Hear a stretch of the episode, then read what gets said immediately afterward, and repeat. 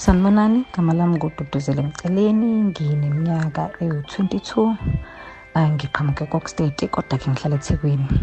Ngine-disability ebizwa ngokuthi i-hip deformity edala ukuthi ngiqhuke uma ngihamba ngoba imilenze yami ayilingani. Lo omunye mfishane kunalo omunye.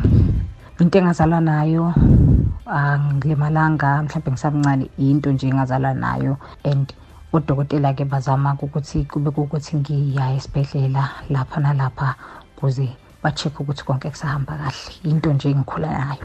Um ngikhulele e-boarding school from nje amabanga phansi ngaze ngaqeda ukufunda bengisoloko ngise-boarding school ngenxa-ke yesimo enginaso ngoba angikhoni ukuthi ngihambe ibanga elide. So tholukuthi iy'kole mhlawumbe la ngihlala ngakhona kuphoqa ukuthi ngihambe and then-ke ekhaya-ke bagcina bethi ayingcono ukuba ngise-boarding school ngazi ukuthi isikole sila indawo kuhlale la ngakhula kanjalo kwi-boarding school ngaze ngaqeda ukufunda. And then ngaye 2016 ngahamba ngafunda emangosuthu ngafunda khona i-marketing ngagraduate last year.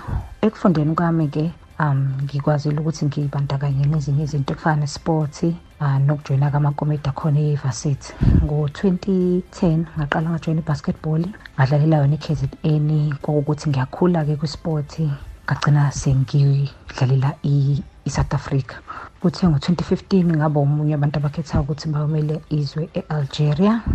And then last year ngahamba ngaya ethailand lapho ngimele khona-ke country nabanye engangidlala nabo. Ngangukapteni-ke wayi-team yama-under 25 so ngidlala i-basketball nje kusukela ngo-2010 kuze kube manje.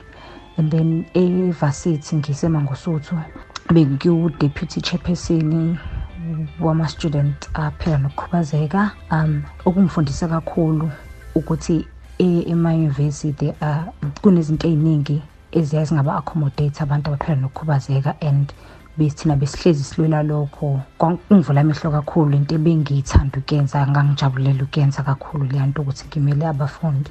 And njengamanje uh, ngiyasebenza in one of the financial institutions. Um sengisebenze khona kusukela last year uh, namanje ngisakhona-ke. Mase ukuthi-ke ngiphinde ngidlalele isports eceleni ngoba kumnandi ukudlala isports. Um ngiqale nje ukusebenza last year singibuya khona phesheya and ngisasebenza khona kumnandi kakhulu. Angeke ngisho ukuthi ngizizwa mhlawumbe ngihlukile kunabanye abantu abakhona lutho.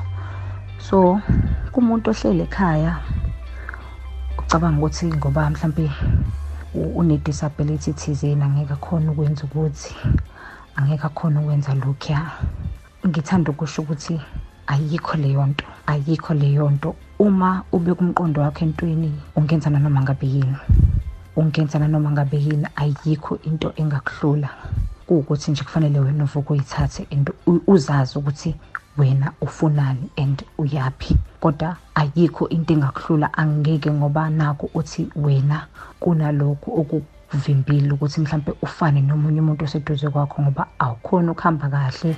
Angeke uzukwazi ukwenza lokhu umuntu ohambayo ongahambi nge-wheelchair ngoba mina ngiyaxhuga angeke ngikwazi ukwenza into eyenziwa umuntu ongaxhugi ayikho leyo nto. Uma nje ubeka umqondo wakho entweni konke kuyenzeka. Kuwukuthi nje kufanele uphume ufune ulwazi. And ngangijabula kakhulu because bengijwayele ukuthi ngihambe ngiye eKing Edward and ngimhlawumbe ngibona umama ethi ingane yakhe ayifundi.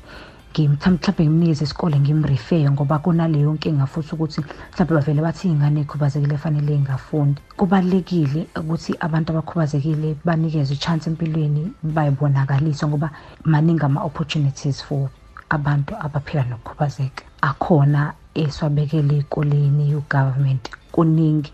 So abantu abaphume baye ngaphandle bathole ukuthi bona bangenzani with what they have bathole ukuthi bangenzani.